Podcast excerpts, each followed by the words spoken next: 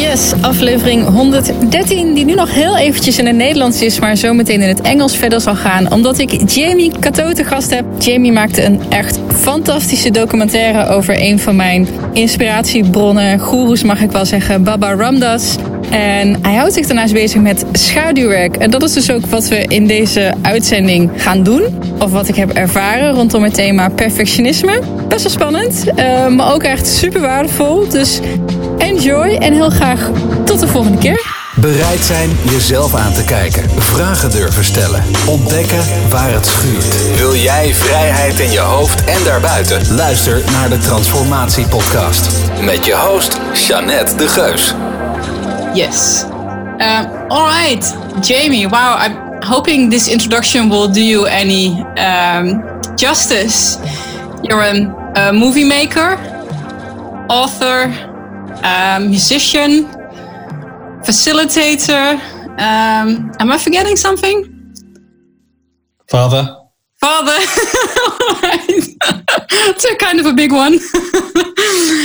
um, and you made a really nice uh, documentary, uh, Becoming Nobody. And I would love to talk to you about that and about who uh, Ram Dass was. Um, if you're up for it, of course. Sure, anything, yeah. I'm, yeah, I'm, sure. I'm so let's start there. Um, for people listening who've never ever heard about uh, Ram Dass, could you explain? Well, um, one of the ways you could describe him is he was the, really the daddy of the self development in the West. He wrote a book called Be Here Now in the late 60s um, which became the beginning of all the self help books, really. Um, and he's very, he's still the best one out of all the people that have written those books. He's the funniest, the least pretentious. Um, he has this beautiful way of using his own melodrama as the lesson. So it's very like funny, confessional. Um, and all my favorite teachers are like that, Pema Chodron and whoever, you know, they use their own drama and uh, are very much human. Um, so he's a wonderful sacred fool. He's hilarious. He's the deepest one I've ever read, you know, the, very, very from the heart. And I just adore the man. And uh, so, yeah, I wrote to their foundation. He was in a couple of my other movies, the One Giant Leap movies. One Giant Leap and What About Me, and um, wonderful in those.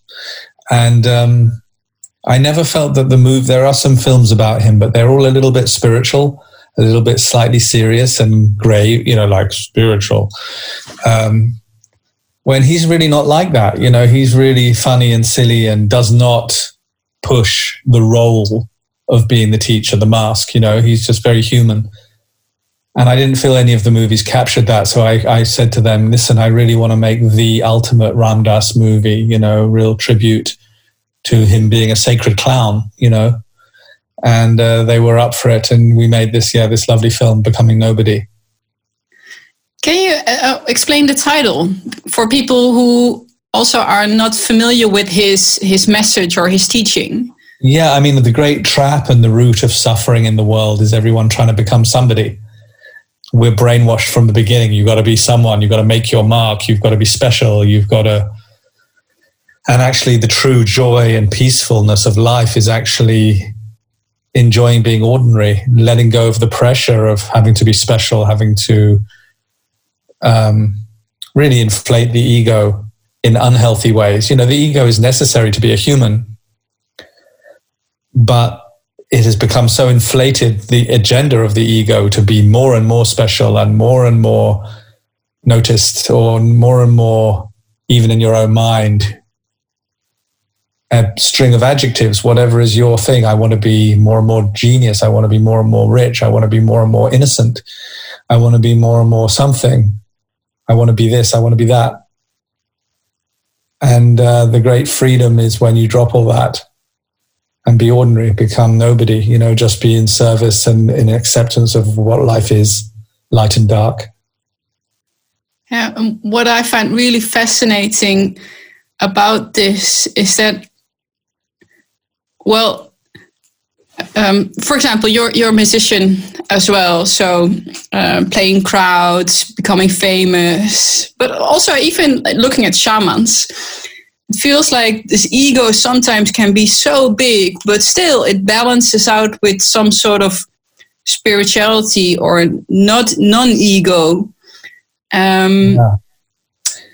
It's not the size of the ego. It's not about not having an ego or not even really enjoying the ego it's about not deriving your meaning from its agenda. Definitely enjoy it. Like I was in a group called Faithless. We would pay thousands of tens of thousands, 50,000, you know, like cameras flashing, a great thrill. But we would have a motto thrilling, not meaningful. Like really enjoy it. It's not like, oh, no, no, ego, I have to, you know, because then you're pushing something away. You're still trapped. Mm. If you're grasping at it, you're trapped. If you're pushing it away with aversion, the Buddhists will tell you, you're also trapped. It's got you. It's still got you. But if you're if you're like you don't mind either way, if it if it comes, it's fun. If it doesn't come, my life is not less or more. You can enjoy all the ego things without the attachment of I need it or I'm escaping it. That sounds kind of like a relief. so you go, yeah. and also maybe a pitfall like, no, no, no, it's good, it's good. I'm just enjoying my ego. yeah. Yeah. Is that a Maori tattoo you have there? Oh, um, yes. Yeah. Well, it's mostly Maori. Oh, nice. Yeah, it's um um inspired by it, but I just gave the artist a couple of styles to work with, and he just did a freehand on my uh, left side. then on the other side, it's more uh, feminine, colorful, Mucha, Jugendstil. So it's like uh, in a workshop, one of the facilitators uh, once said to me um, that I'm like a two-spirited person, and then she hold my arms and she said well the masculine and the feminine. And i looked down and i'm like oh my god how come i've never even seen this? Look at my arms. It's already here. I just never noticed it the duality of it and um, uh, the fact that it was already on my body. It's a really nice memory i have of that. Mm-hmm. um, well sorry this kind of a bridge to then uh, another topic that i um, was wondering about when I follow you on Instagram and I look at your website, uh, ego work or our shadow side, it seems like a big topic that you're really interested in. Uh, me as well. It's deeply uh, fascinating. Um, so could you could we start there? What is ego work in your? Oh, sorry, uh, shadow work in your opinion? Yeah, it's a good point. You know, a lot of people mistake. They think their shadow side is their dark side but it's not. It's the hidden side. It's all the places that when we were growing up, we made unwelcome. And it might have been your great excitement or your enjoyment of the sexuality of your body. Or, you know, a lot of people hide away beautiful things when they're given negative feedback, not just anger, grief, anxiety. Um, so the shadow is that which is hidden.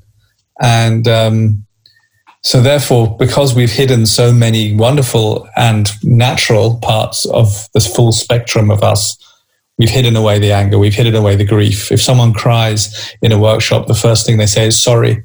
You know, like it's not allowed in, in people's minds, or their anxiety, or their neediness, or their great excitement, or their flamboyant entertainer, enjoying being the center of attention and making people laugh or entertained, or their sexuality, especially. So, so, so much has been edited away. People are existing in the world as like a 20% sized version of themselves, suppressing and hiding behind the mask all the other stuff, even often suppressing and hiding from themselves. So they think, oh, I'm not creative or I'm not sexy or I'm, not. but they are really. They've just, it's been so long since that part was edited.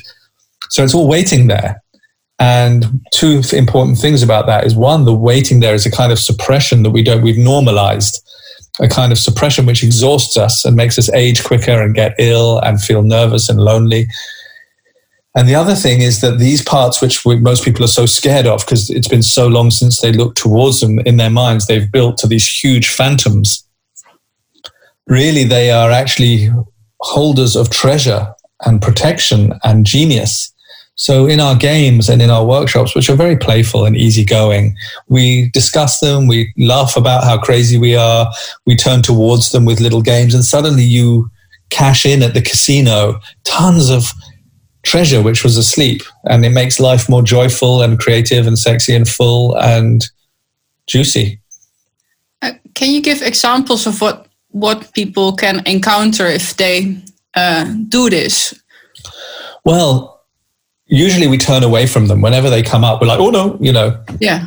But when you turn towards them with an attitude of curiosity and welcome and a bit of humor, then they talk to you and you have like these dialogues with these crazy characters that live in your head and you hear their needs and you you as an adult get to meet their needs in healthy ways instead of unhealthy ways and so a lot of it is discussion. A lot of it is playing silly games where we allow these characters to have the mouth. We give them permission to come forward and be funny or be crazy or be vulnerable. And we do it with each other and everyone realizes wow you're just like me. Wow i've been hiding all this time. What a relief. Community and intimacy goes huge you know in this moment. Mm. and it's just a very intimate beautiful feeling of connection with everyone as well as reclaiming a lot of treasure and wholeness and reducing the amount of stress and exhaustion maintaining the mask uh, one thing that I kind of struggle with, or is a theme at the moment, or maybe a long time. Um, sometimes it feels like there's this nagging sense, this. Okay, underline. That's the doorbell. Never mind, I'll put it next to the door. um, this underlying like this nagging sense of perfectionism judgment and it seems like the more i notice it the more it's here. Probably it was already here but i never really noticed it. So any advice? Yeah yeah i would go into a dialogue with that character who lives inside you she believes the perfectionist believes that she was told very young that the way you were going to get love and the way that you would get included, not pushed away, was to be as perfect as possible. She really took on that piece of information as true. So you created a little uh, Shanet. How do I say your name? Shanet. Yeah, yeah. A little Shanet who lives inside, who's seven or however old. And her job is to always be looking on the horizon for anything that's not perfect, to then ring the alarm bell and to always concentrate on whatever you're doing that it is perfect and give you a, a little bit of extra stress to make sure you're motivated. Mm. Um, and she believes because you gave her that job when you were a child, she believes that that is a real thing to do. You know, this is what she should be doing. She's in her mind, she's helping you. You as an adult, it's not helping you. But you have never updated her You've never told her, hey, you can stop doing that job. So in her mind, she gets up every morning with you doing that job. She's never been told to stop. So what we would do is we would go into a different relationship with her and we play a game called the Cinderella game, uh, where you lovingly relieve her of duty. You ask her, what has she missed all this time? You want to do it now? Yeah, sure. I mean, okay, we're already here, so. Closing your eyes. I think we, I can feel her in the chest right now. You can feel her here? Mm. A little bit? The, night, the funny thing is, you started talking like we can relieve her of her duty. I can feel the sense of, no, no, no, no, no, no. Exactly. what are you doing? okay, so, so closing your eyes and just feel her. And first of all, just allow her to be, you know, not pushing her away, just in any way that you can say to her, you know, you're welcome. Thank you.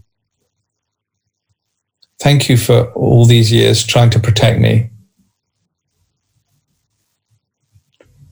But I don't need you to do that job anymore. I know it's scary, but I'm an adult.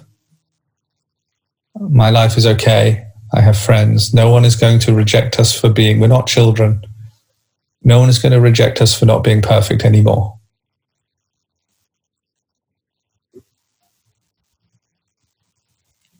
and just rub your chest and just really make her feel welcome and ask her, is there anything that you need?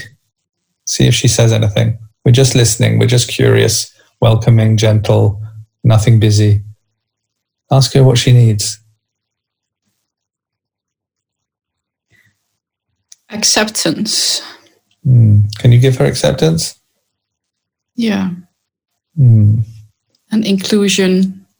And it's Yeah. okay. It's okay to be here. Yes, exactly. In all our mess and perfection and imperfection, allowing the emotion to be tender, it's all welcome. Just discharging some of that stress she's carried. Gentle breathing. And you can ask her, does she have a message for you? Do you have a message for me, little one?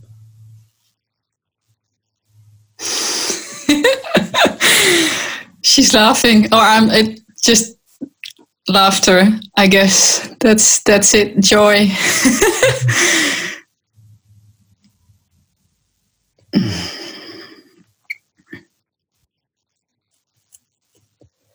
You can ask her, what has she missed out on all these years while she was busy trying to be an adult for you? What things from her childhood or things from life does she want more of in your life? What would she like more of? Just asking her, not thinking it up. We're just listening to her.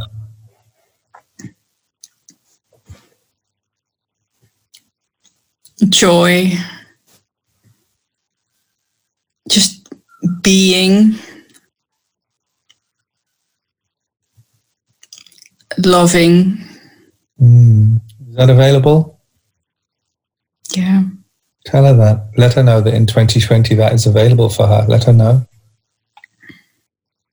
You can keep rubbing your chest just a little bit because she, she likes a bit of touch.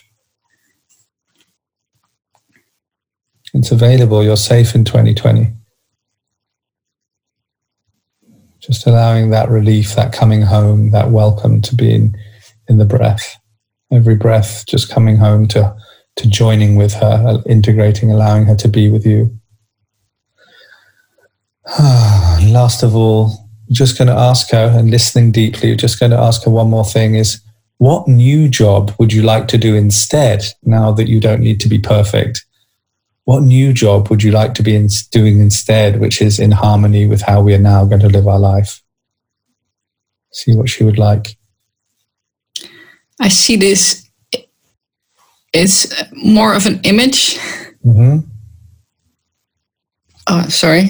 Of this, um, not sorry, but of this girl just parading, strutting joyfully, Mm. um, paving the way, I guess, for me. That's what she Right. wants. Great. Can you let her know that's that's that's okay with you? Yeah. Wonderful. So just rubbing the chest one more time and thanking her and letting her know your feelings are always welcome. I'm not going to abandon you. You're always welcome here. Your feelings are worth feeling. Your presence is welcome. You're always welcome here. Thank you for working so hard. Let's be a team. You're always welcome. I'm not going anywhere. There's nowhere I'd rather be than with you.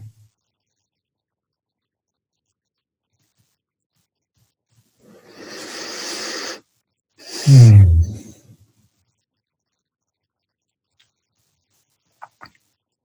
Wow.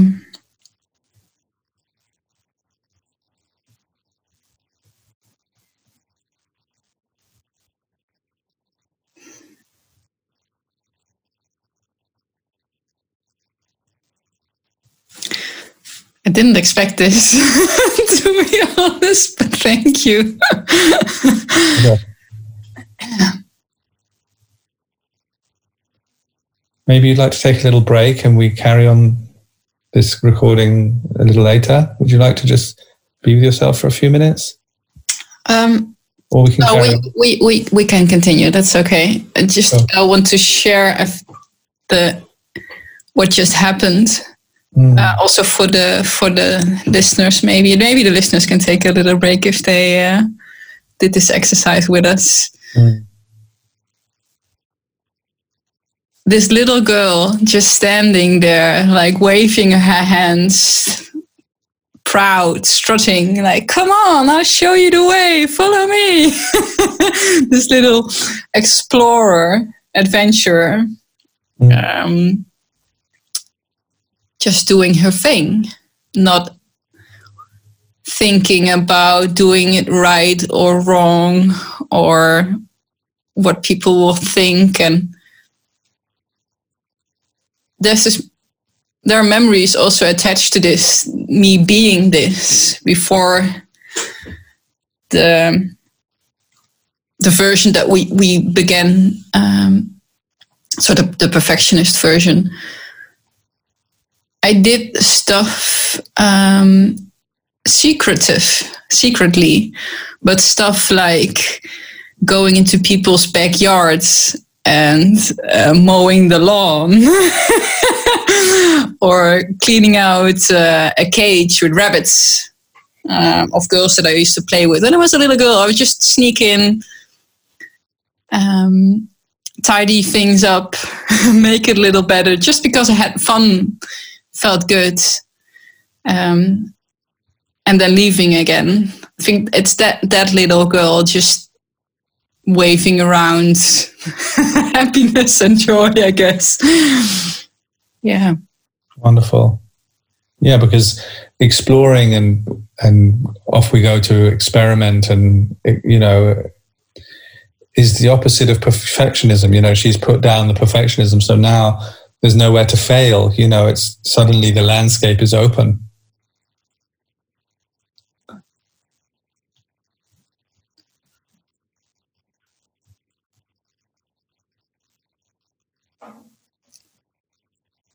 It's funny what the mind is doing with me at the moment. It's just thinking about coming up with arguments why this perfectionism is like really helpful. like, yeah, but it makes me do stuff and create stuff and write and make Mm, I don't believe videos. Yeah. I don't believe that's coming from your perfectionism.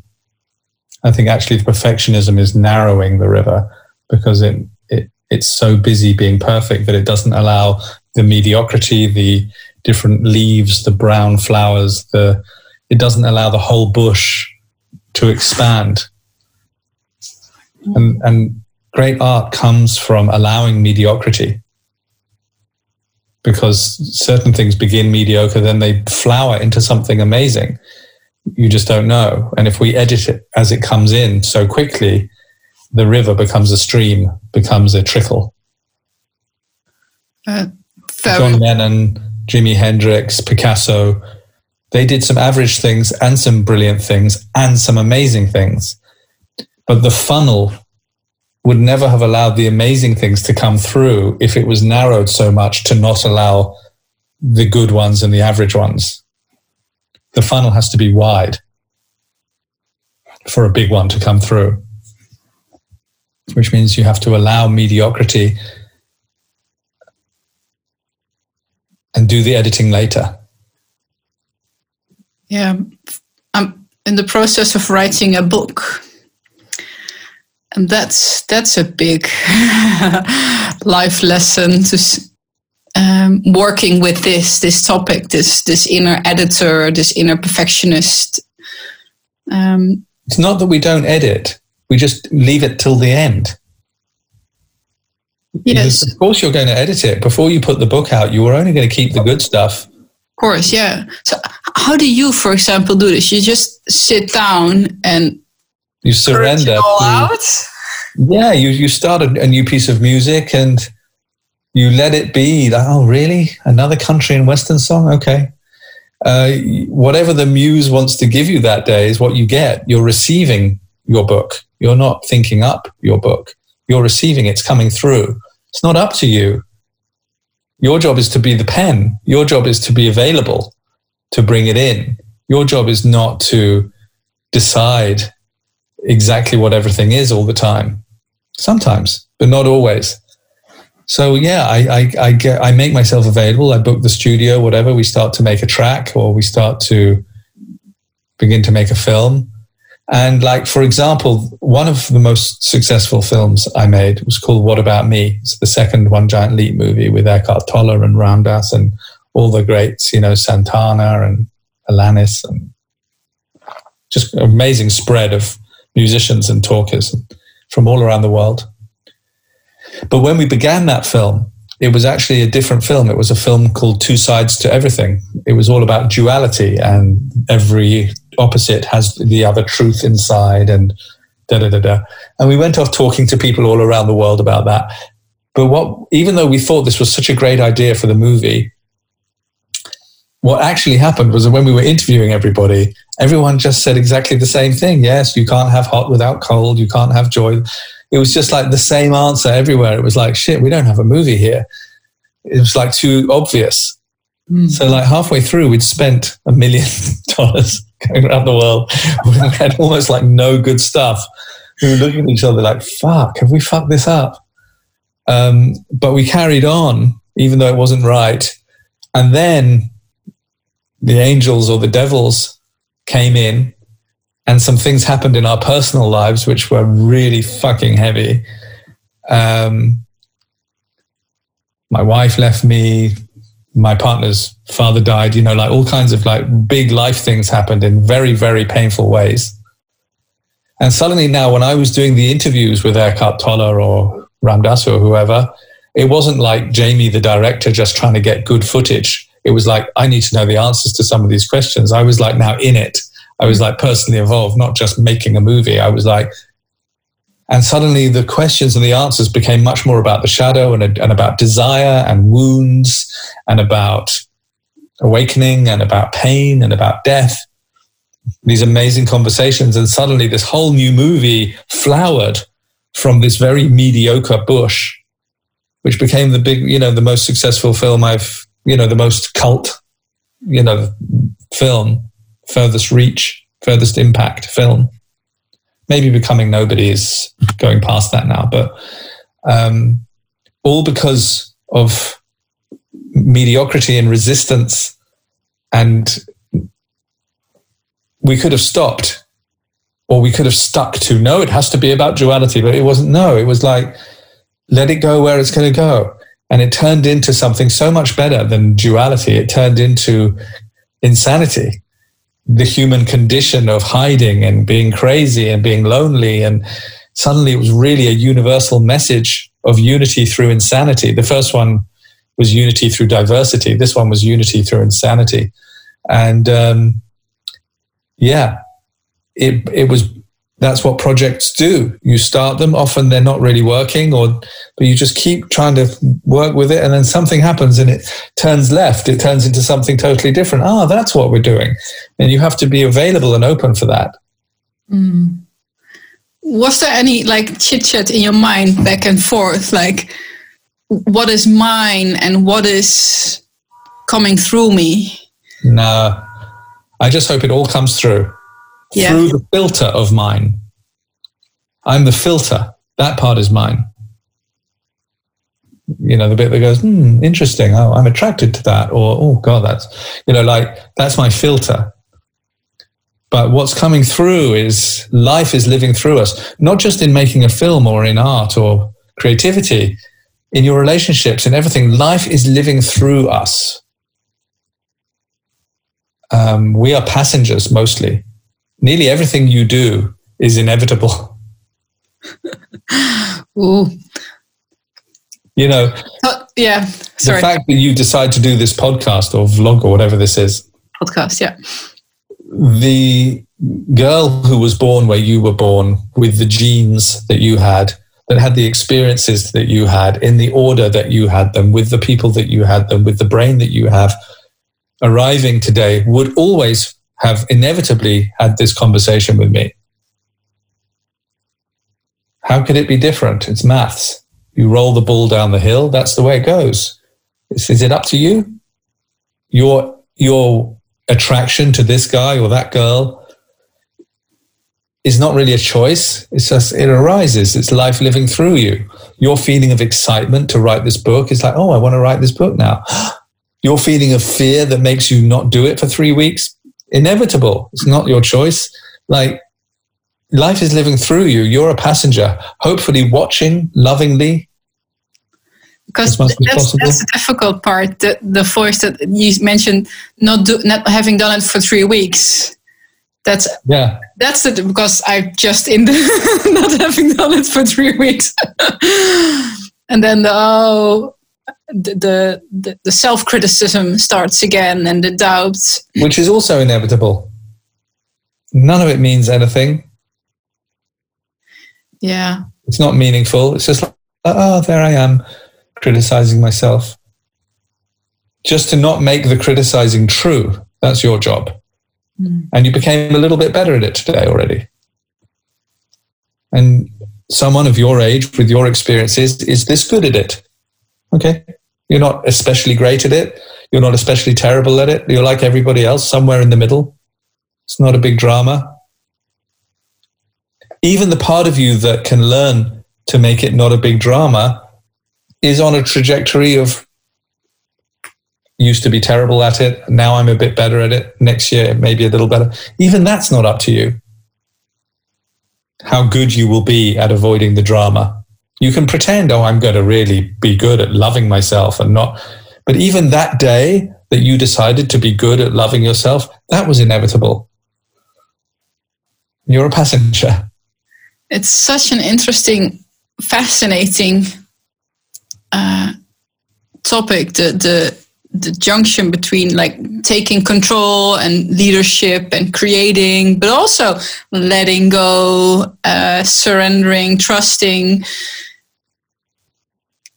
How you yourself? What do you do to or if you notice that you're going a little bit too far into like taking control and becoming a leader of uh, as opposed to like letting go too much or maybe trusting too is or is there such a thing as letting go too much I don't think so. No. I mean, if I notice, I notice. And if I notice, I try and be loving and go, oh, there you go again. It's okay, Jamie, not to be like slave driver. But even how much I will do that that day depends on things which are not in my control. You know, I can pretend I'm in control, but really, like, it's to do with many things. It's to do with my history. It's to do with did I eat yet today? How's my blood sugar? Have I drunk some water? How are other people treating me? It's chaos. So it's all innocent. We can pretend we have control because the ego does not like the idea. There'll be people listening to this going, oh, this is bullshit. Of course, I choose this, I choose that. I know you have the appearance of choosing, but actually, every choice you make, your unconscious mind, your subconscious, has made 50 million calculations before your front mind goes, I will turn left. You think you chose to go left? No. That decision was made long before your ego or your front mind decided. You were given a summary of all the calculations because you couldn't look at all 50 million calculations. You, your front mind was given a summary which just said, I think left is better. And so you go, I will go left. so that decision was made long before your mind got involved. so how do you perceive self-help then if it's just um, happening or is It's the most- self-help most also something that's just happening Yes, it's just entertainment. It's just entertainment. We, our souls, if there is, if we are evolving, our souls will be evolving us at the pace that our souls are evolving us, including things that get sent, which wake us up or squash us or remind us or challenge us. Um, I, I think it's best to look at self help and ev- evolving as entertainment, not something important. Uh, that's really nice. Thanks for that self help because it lightens stuff up loads. Mm. Um, and um, And it's a choice. Someone else can go, no, it's important. I'm here to grow. Fine. You know, like if you want to live your life that way, you find it happier or more fulfilling, or you think that at the end of your life, you're going to get a prize for how much you evolved, or there's some finish line. I meet people incredibly, inc- I mean, my mouth hangs open. I meet people that actually say to me, I'm hoping this is going to be my last lifetime, that I get enlightened this lifetime. And I'm like, Are you fucking kidding me? Are you crazy? Just try going two weeks without whining. Let's just fucking start there, shall we? It light this lifetime. Give me a break. Uh, I'm so hoping it never ends. really. um, we, you mentioned loneliness, um, and th- that was one of the questions I really wanted to ask you as well. Um, I'm going to introduce the question. I, I did a very um, a, an abundance challenge so a while ago of um, Deepak Chopra. It's a WhatsApp challenge with guided meditations. Um, I heard it was great. Yes, it's really nice. Um, and in one of the meditations, he, of, course, uh, consciousness is one of the, the, the big topics, of course, and then and I noticed like this very, very, un- all the people in the WhatsApp group were like, oh, so nice and beautiful. And I felt overflowing with love and light and abundance. And I was sitting there like, it felt horrible, just a- empty, um, lonely, no- nothing. Mm-hmm. So not nice, but also not horrible, not painful, but just nothing. And it felt so. I think that's better. That's a stage and some people, when they meet that stage, they get, they get very depressed. they realize it's meaningless. I gave such meaning to it, and I gave the meaning of my life to how meaningful it was. Now, if you make it meaningless, it's fucking depressing. Like, what? Like, nothing me. But, okay, that's a stage. Don't panic. But what also happens after that is what happened to that girl that you were just talking to on the inside. Yes, you took away the meaning she thought was important, but then she was like, okay, let's play. So the stage of, oh no, it's meaningless, the box is empty, shit. That's one stage. But then you have the next stage, which is the box is empty. I can put any fucking thing in it that I like. You know, like I, for instance, you know, for me, I don't know if it's meaningful or not. Me, you know, I noticed that I love reading. I love reading. I love reading stories, and you know, not especially deep always. You know, not not especially you know like this was a good time spent to evolve my soul. You know, just like I just love being lost in the world of the horses and the wagons and the magic and the ships on the horizon and these beautiful environments, and I just love that stuff. So I was like, well, look, you love it. We're going to allocate four hours a day for you to have it. There's no meaning. It doesn't make any difference. God isn't at the end of my life going, you spend, you spend far too much time reading fantasy literature, you know, or, you know, you spend far too much time just listening to music, or you spend far too much time not doing anything, you know, like as if there is a way that you should do it. For me, the way that I should do it is what my heart feels is enjoyable is attractive. And that might be sitting in bed for days, looking out the window, not feeling pressure to do anything. Like, where did this pressure is all conditioned? But when you remove, when you make the box empty, like with Deepak, this emptiness, you suddenly realize that what do I actually like? Like, I teach a project workshop called What About You? And the first question we ask is if God came into the room and said, All your life expenses are now paid, you don't have to pay rent or food anymore. So, what do you want to do after breakfast? That's your project. Whatever you would do if you didn't need to do it, spend your life doing that. Because you're going to be more joyful and more relaxed. Therefore, the people you meet are going to be more impacted by a joyful, relaxed person. It's the greatest activism on the planet is to embody no pressure, peacefulness for yourself radiate it to everyone if that entertains you. Sounds so like logical and then again also like the the most difficult thing to allow yourself. Yeah the voice is going am i allowed is it really? Am i allowed to do that? Have, have i got a hall pass? Can don't I- wait till you've got cancer to have a hall pass. Like when i was 20 my best friend died and it was terrible, but it was also like part of my brain went, look, your best friend died. No one can get you to do anything at the moment. Do you know what I mean? Like no one can expect anything. You're the guy whose best friend died, so you've got a hall pass. No one can give you any shit at the moment. Do you know what I mean? so I was just like free to just do whatever the fuck I wanted because I was the guy whose best friend had just died. And it really like elevated my life. And you don't need to wait for your best friend to die to realize that truth, you know? Or for, if somebody just told you you've got a year to live, you've got cancer, you wouldn't give a fuck about all these pressures anymore. You'd be like, I'm going to Barbados. I'm going to go to an orgy. I'm going to fucking, you know, I don't know. I'm going to climb a mountain. I'm going to do, the, I don't know what, you know, it's a great question to ask. What would you do if you had a year to live? If you can really put yourself there.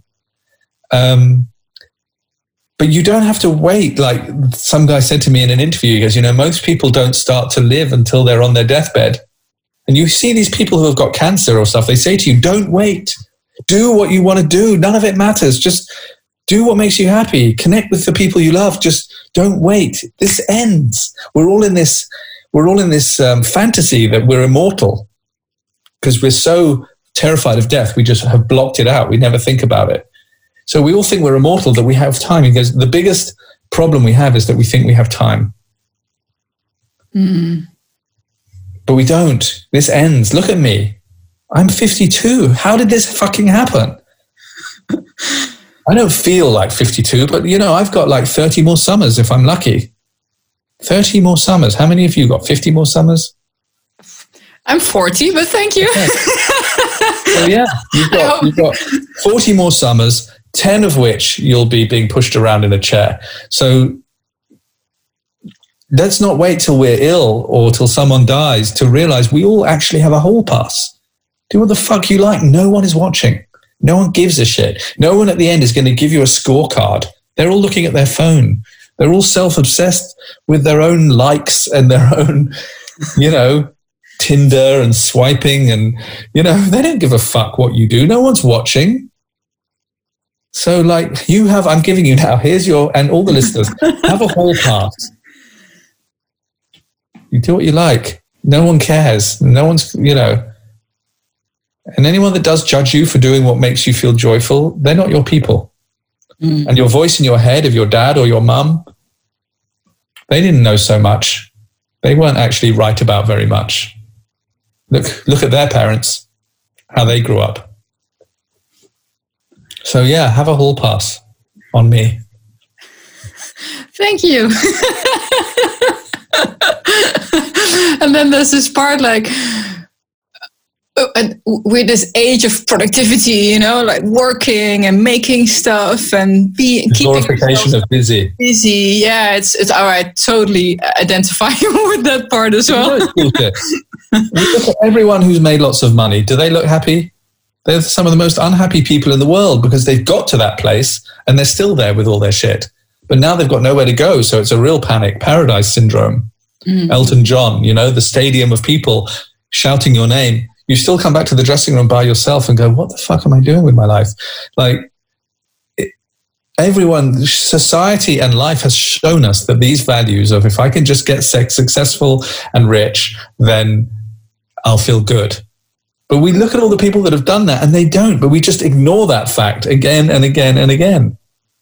What about you mentioned, okay, do the stuff that you love. The first thing that came to my mind um, is working on the podcast, uh, mm. the content, polishing it, the, the channel, just, just, the, yeah, the project, podcast project, sorry. Mm-hmm and, and that's what triggered me or the association about, uh, about this workaholism. Like okay this is what i love but it's also like i get sucked in and then getting sucked in is lovely. Yeah oh it's, it's awesome. in a stressful way. ever. You found your flow. Yeah. You found your flow. It's great. So it's just this, this judgment. Oh you're working all the time. And maybe that's just bullshit. It's okay to get sucked in and just do yeah. it just go with it and okay. yeah Perhaps just, you know, go with it. Exactly. Go with it. You're a passenger. there'll be other times where you suddenly don't feel like it and you think, you know what, I just want to be in nature for a bit. I'm going to the mountains. I just need a month of nature and lovemaking, no turning the phone off, you know, And that's what you do for that flow. There's no always the same rhythm. Mm-hmm. Permission. Can, can I uh, end up because I want to be um, uh, thoughtful about your time? Uh, I read you're working about a new uh, movie. Working on a new movie, or was oh, it was it kind of it's a bush at the moment? Are you talking about Adam and Eve? Adam and Eve, yeah.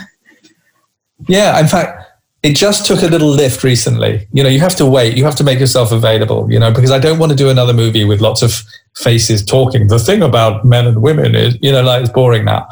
So I'm trying to find a new way to make it interesting, you know. But yeah, since the embodiment conference, which was fantastic, I don't know if you saw anything. Yeah. I met some really cool people. Uh, one of them is Ilan Stephani, who wrote this wonderful book about being a prostitute and everything she learned about love. Um, it's a fascinating book. Wow. And couple of other people I've been talking to, Ruby May, who, who runs Know Your Flow, old friend of mine. We teach a workshop together called Bitches and Bastards. Um, some of the conversations now seem to be giving some little buds on the bush which look a bit more interesting than just a, a straight documentary. So yeah, it's just a movie to heal the male and female wound on the planet. You know, there's so much potential between us, but we're so fucked up with all the brutality and violence and mm. control trips and manipulations and battling between the, the battle of the sexes, you know. I don't think we've really stepped forward very much in that area it's it's behind all the other consciousness. So I want to make some work which really accelerates the potential of us going, hey, you, me, let's fucking heal this shit and step into our potential, our juicy potential together. Imagine what we can do if we're on each other's side.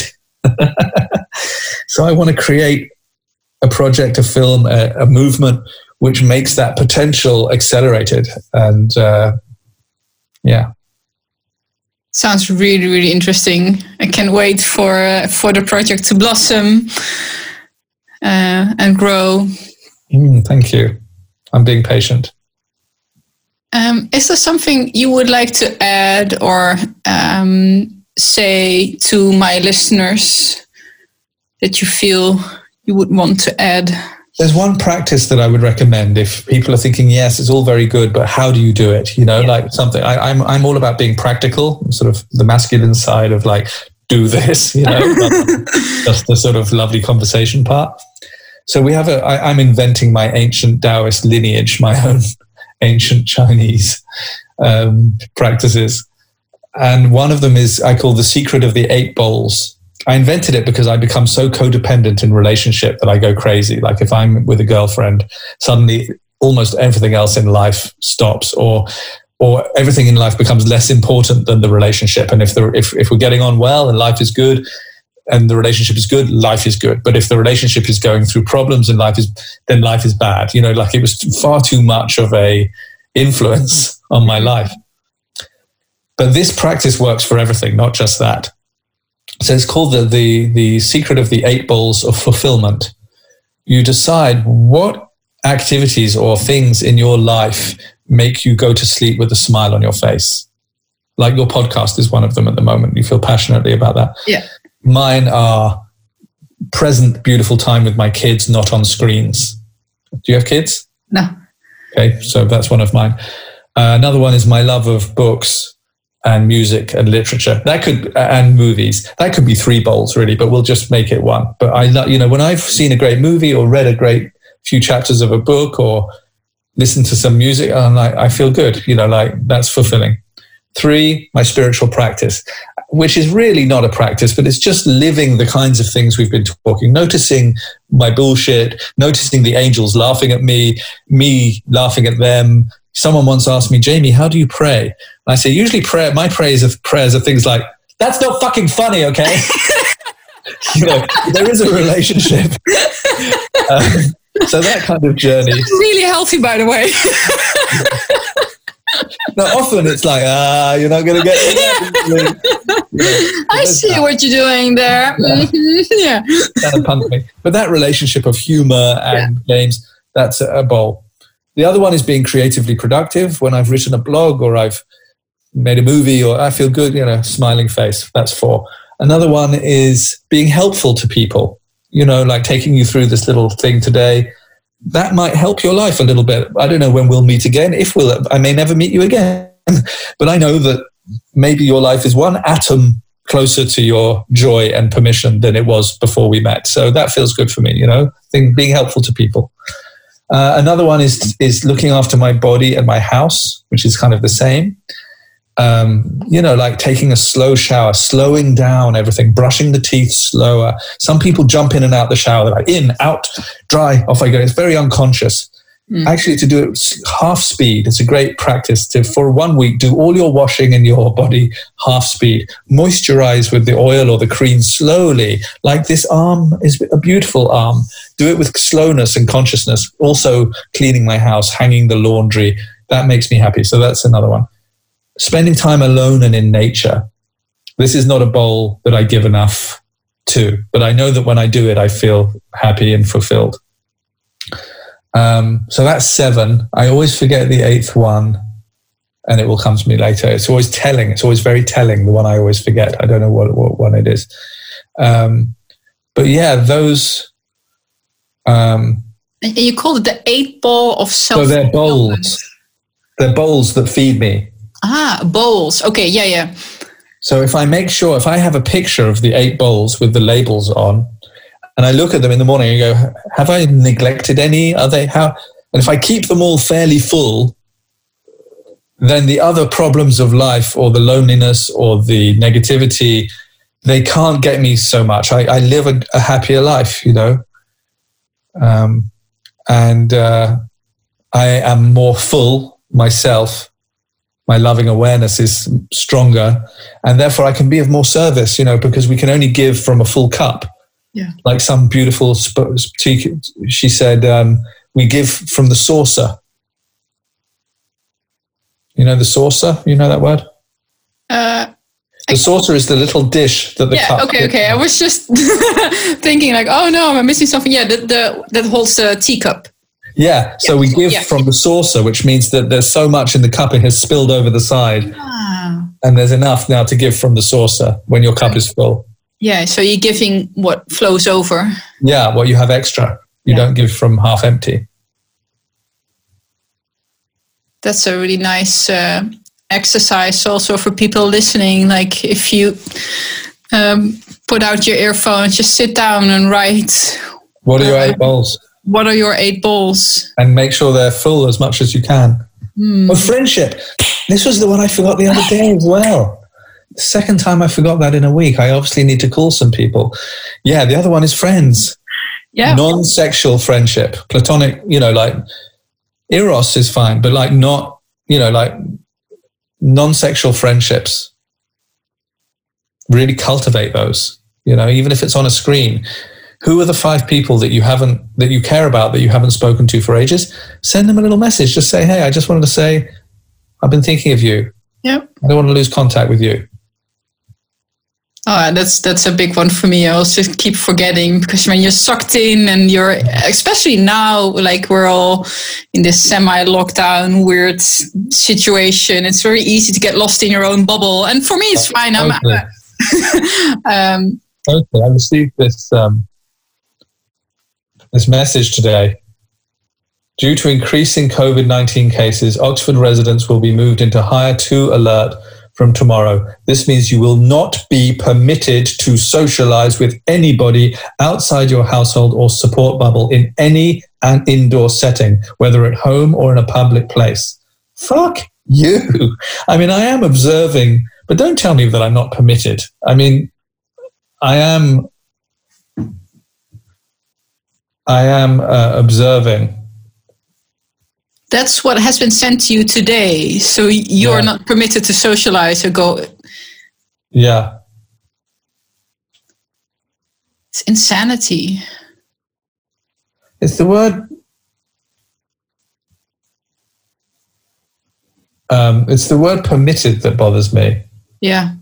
It's the opposite of freedom. I don't need your permission or approval or judgment. Yeah.